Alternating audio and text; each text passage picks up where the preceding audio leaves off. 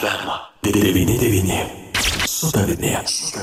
Tokia diena. Studijoje prie mikrofono Vytautas Garbenčius ir mes kalbamės apie tai, koks procentas šiai valandai yra Alitaus mieste balsavusių iš ankstiniuose rinkimuose Alitaus mieste rinkimų komisijos vadove Dalia Jezukevičinė. Labadiena. Labadiena. Taigi, sakykite, koks tas mūsų aktyvumas Alitaus mieste? Na, aktyvumas iš tiesų didesnis e, negu pirmą dieną. Gal žmonės dar ne visi žinojo, ne, ne visi įsigilinę buvo į, į pas, pas, paskleistą informaciją, bet iš tiesų aktyvumas šiandien, tiek vakar, tiek šiandien yra tikrai nemažas ir šiai dienai Lietuvos mieste jau balsavo virš 650 miesto gyventojų. Ar palyginus su prieš keturis metus vykusiais rinkimais tas procentas skiriasi kažkuom?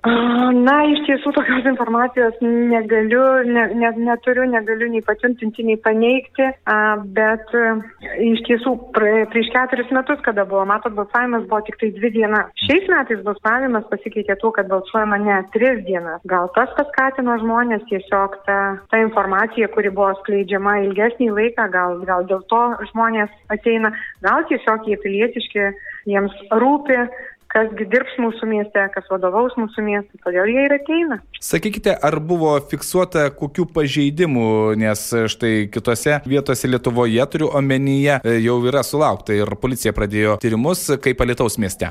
Ne, jokių fiksuotų pažeidimų nėra, nei uždokumentuota, nei, nei, nei kažkokių raštiškų pranešimų ar, ar tiesiog skundų gauta apygarda nebuvo gavusi. Na, gal tik tai tiek, kad socialiniuose tinkluose buvo pasklidusi informacija, kuri taip greitai pasklido, greitai, greitai ir išnyko dėl ten kažkokių tai menamų pažeidimų. Tačiau e, aš jau ir, ir vakar minėjau, ir šiandien galiu patikinti, kad tiek policija mūsų nuolat stebi, tiek e, pilnas prieimimas yra Lietuvos miesto gyventojų, kurie tikrai mato, kaip mes dirbam ir tikrai jokių pažeidimų padaryta nėra ir neturėtų būti tokių, to, tokioje vietoje. E, dėl nepriklausomų stebėtojų, ar ne, jie irgi kaip kiekvienais rinkimais irgi dalyvauja? A, taip, nepriklausomi stebėtojai jie būna, bet nuolat jų nėra, jie tiesiog atėjo, pasidairė, išėjo. Nežinau, klausimų jiems tikriausiai nekyla.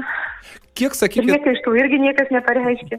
Tai labai smagu. Sakykit, kiek apskritai štai tokia dezinformacija, greičiausiai taip galima tikrai drąsiai pavadinti, kuri yra paskleidžiama socialiniuose tinkluose, veikia apskritai tiek jūs kaip komisijos vadovė, tiek komisijos narius? Na, iš tiesų, žinokit, veikia neigiamai. Ir komisijos nariai, tie ypatingai, kurie dirba, tie žmonės, kurie fiziškai dirba, išdavinėja biletenius, priima uh, už ant spaudų užklijuotus vokus, na, jie jaučia lyg ir tokią nuoskaudą, nes jie tą darbą daro ir tikrai galiu patikinti, kad tikrai nei vienas, nei vienas komisijos narys nepažeidė kažko tai tokio, nedaro kažko tokio, nes, na, kaip žinia, kiekvienas komisijos narys taip pat yra deleguotas atskirų politinių partijų ir, na, kaip aš sakau, netgi tai yra savotiška savikontrolė, nes, nu, tiesiog kiekvienas mato, jisai yra kitos partijos narys ir jeigu matysim, kad, kad kažką tai daro, kažkokį pažeidimą, tai be abejo, kad net patys komisijos nariai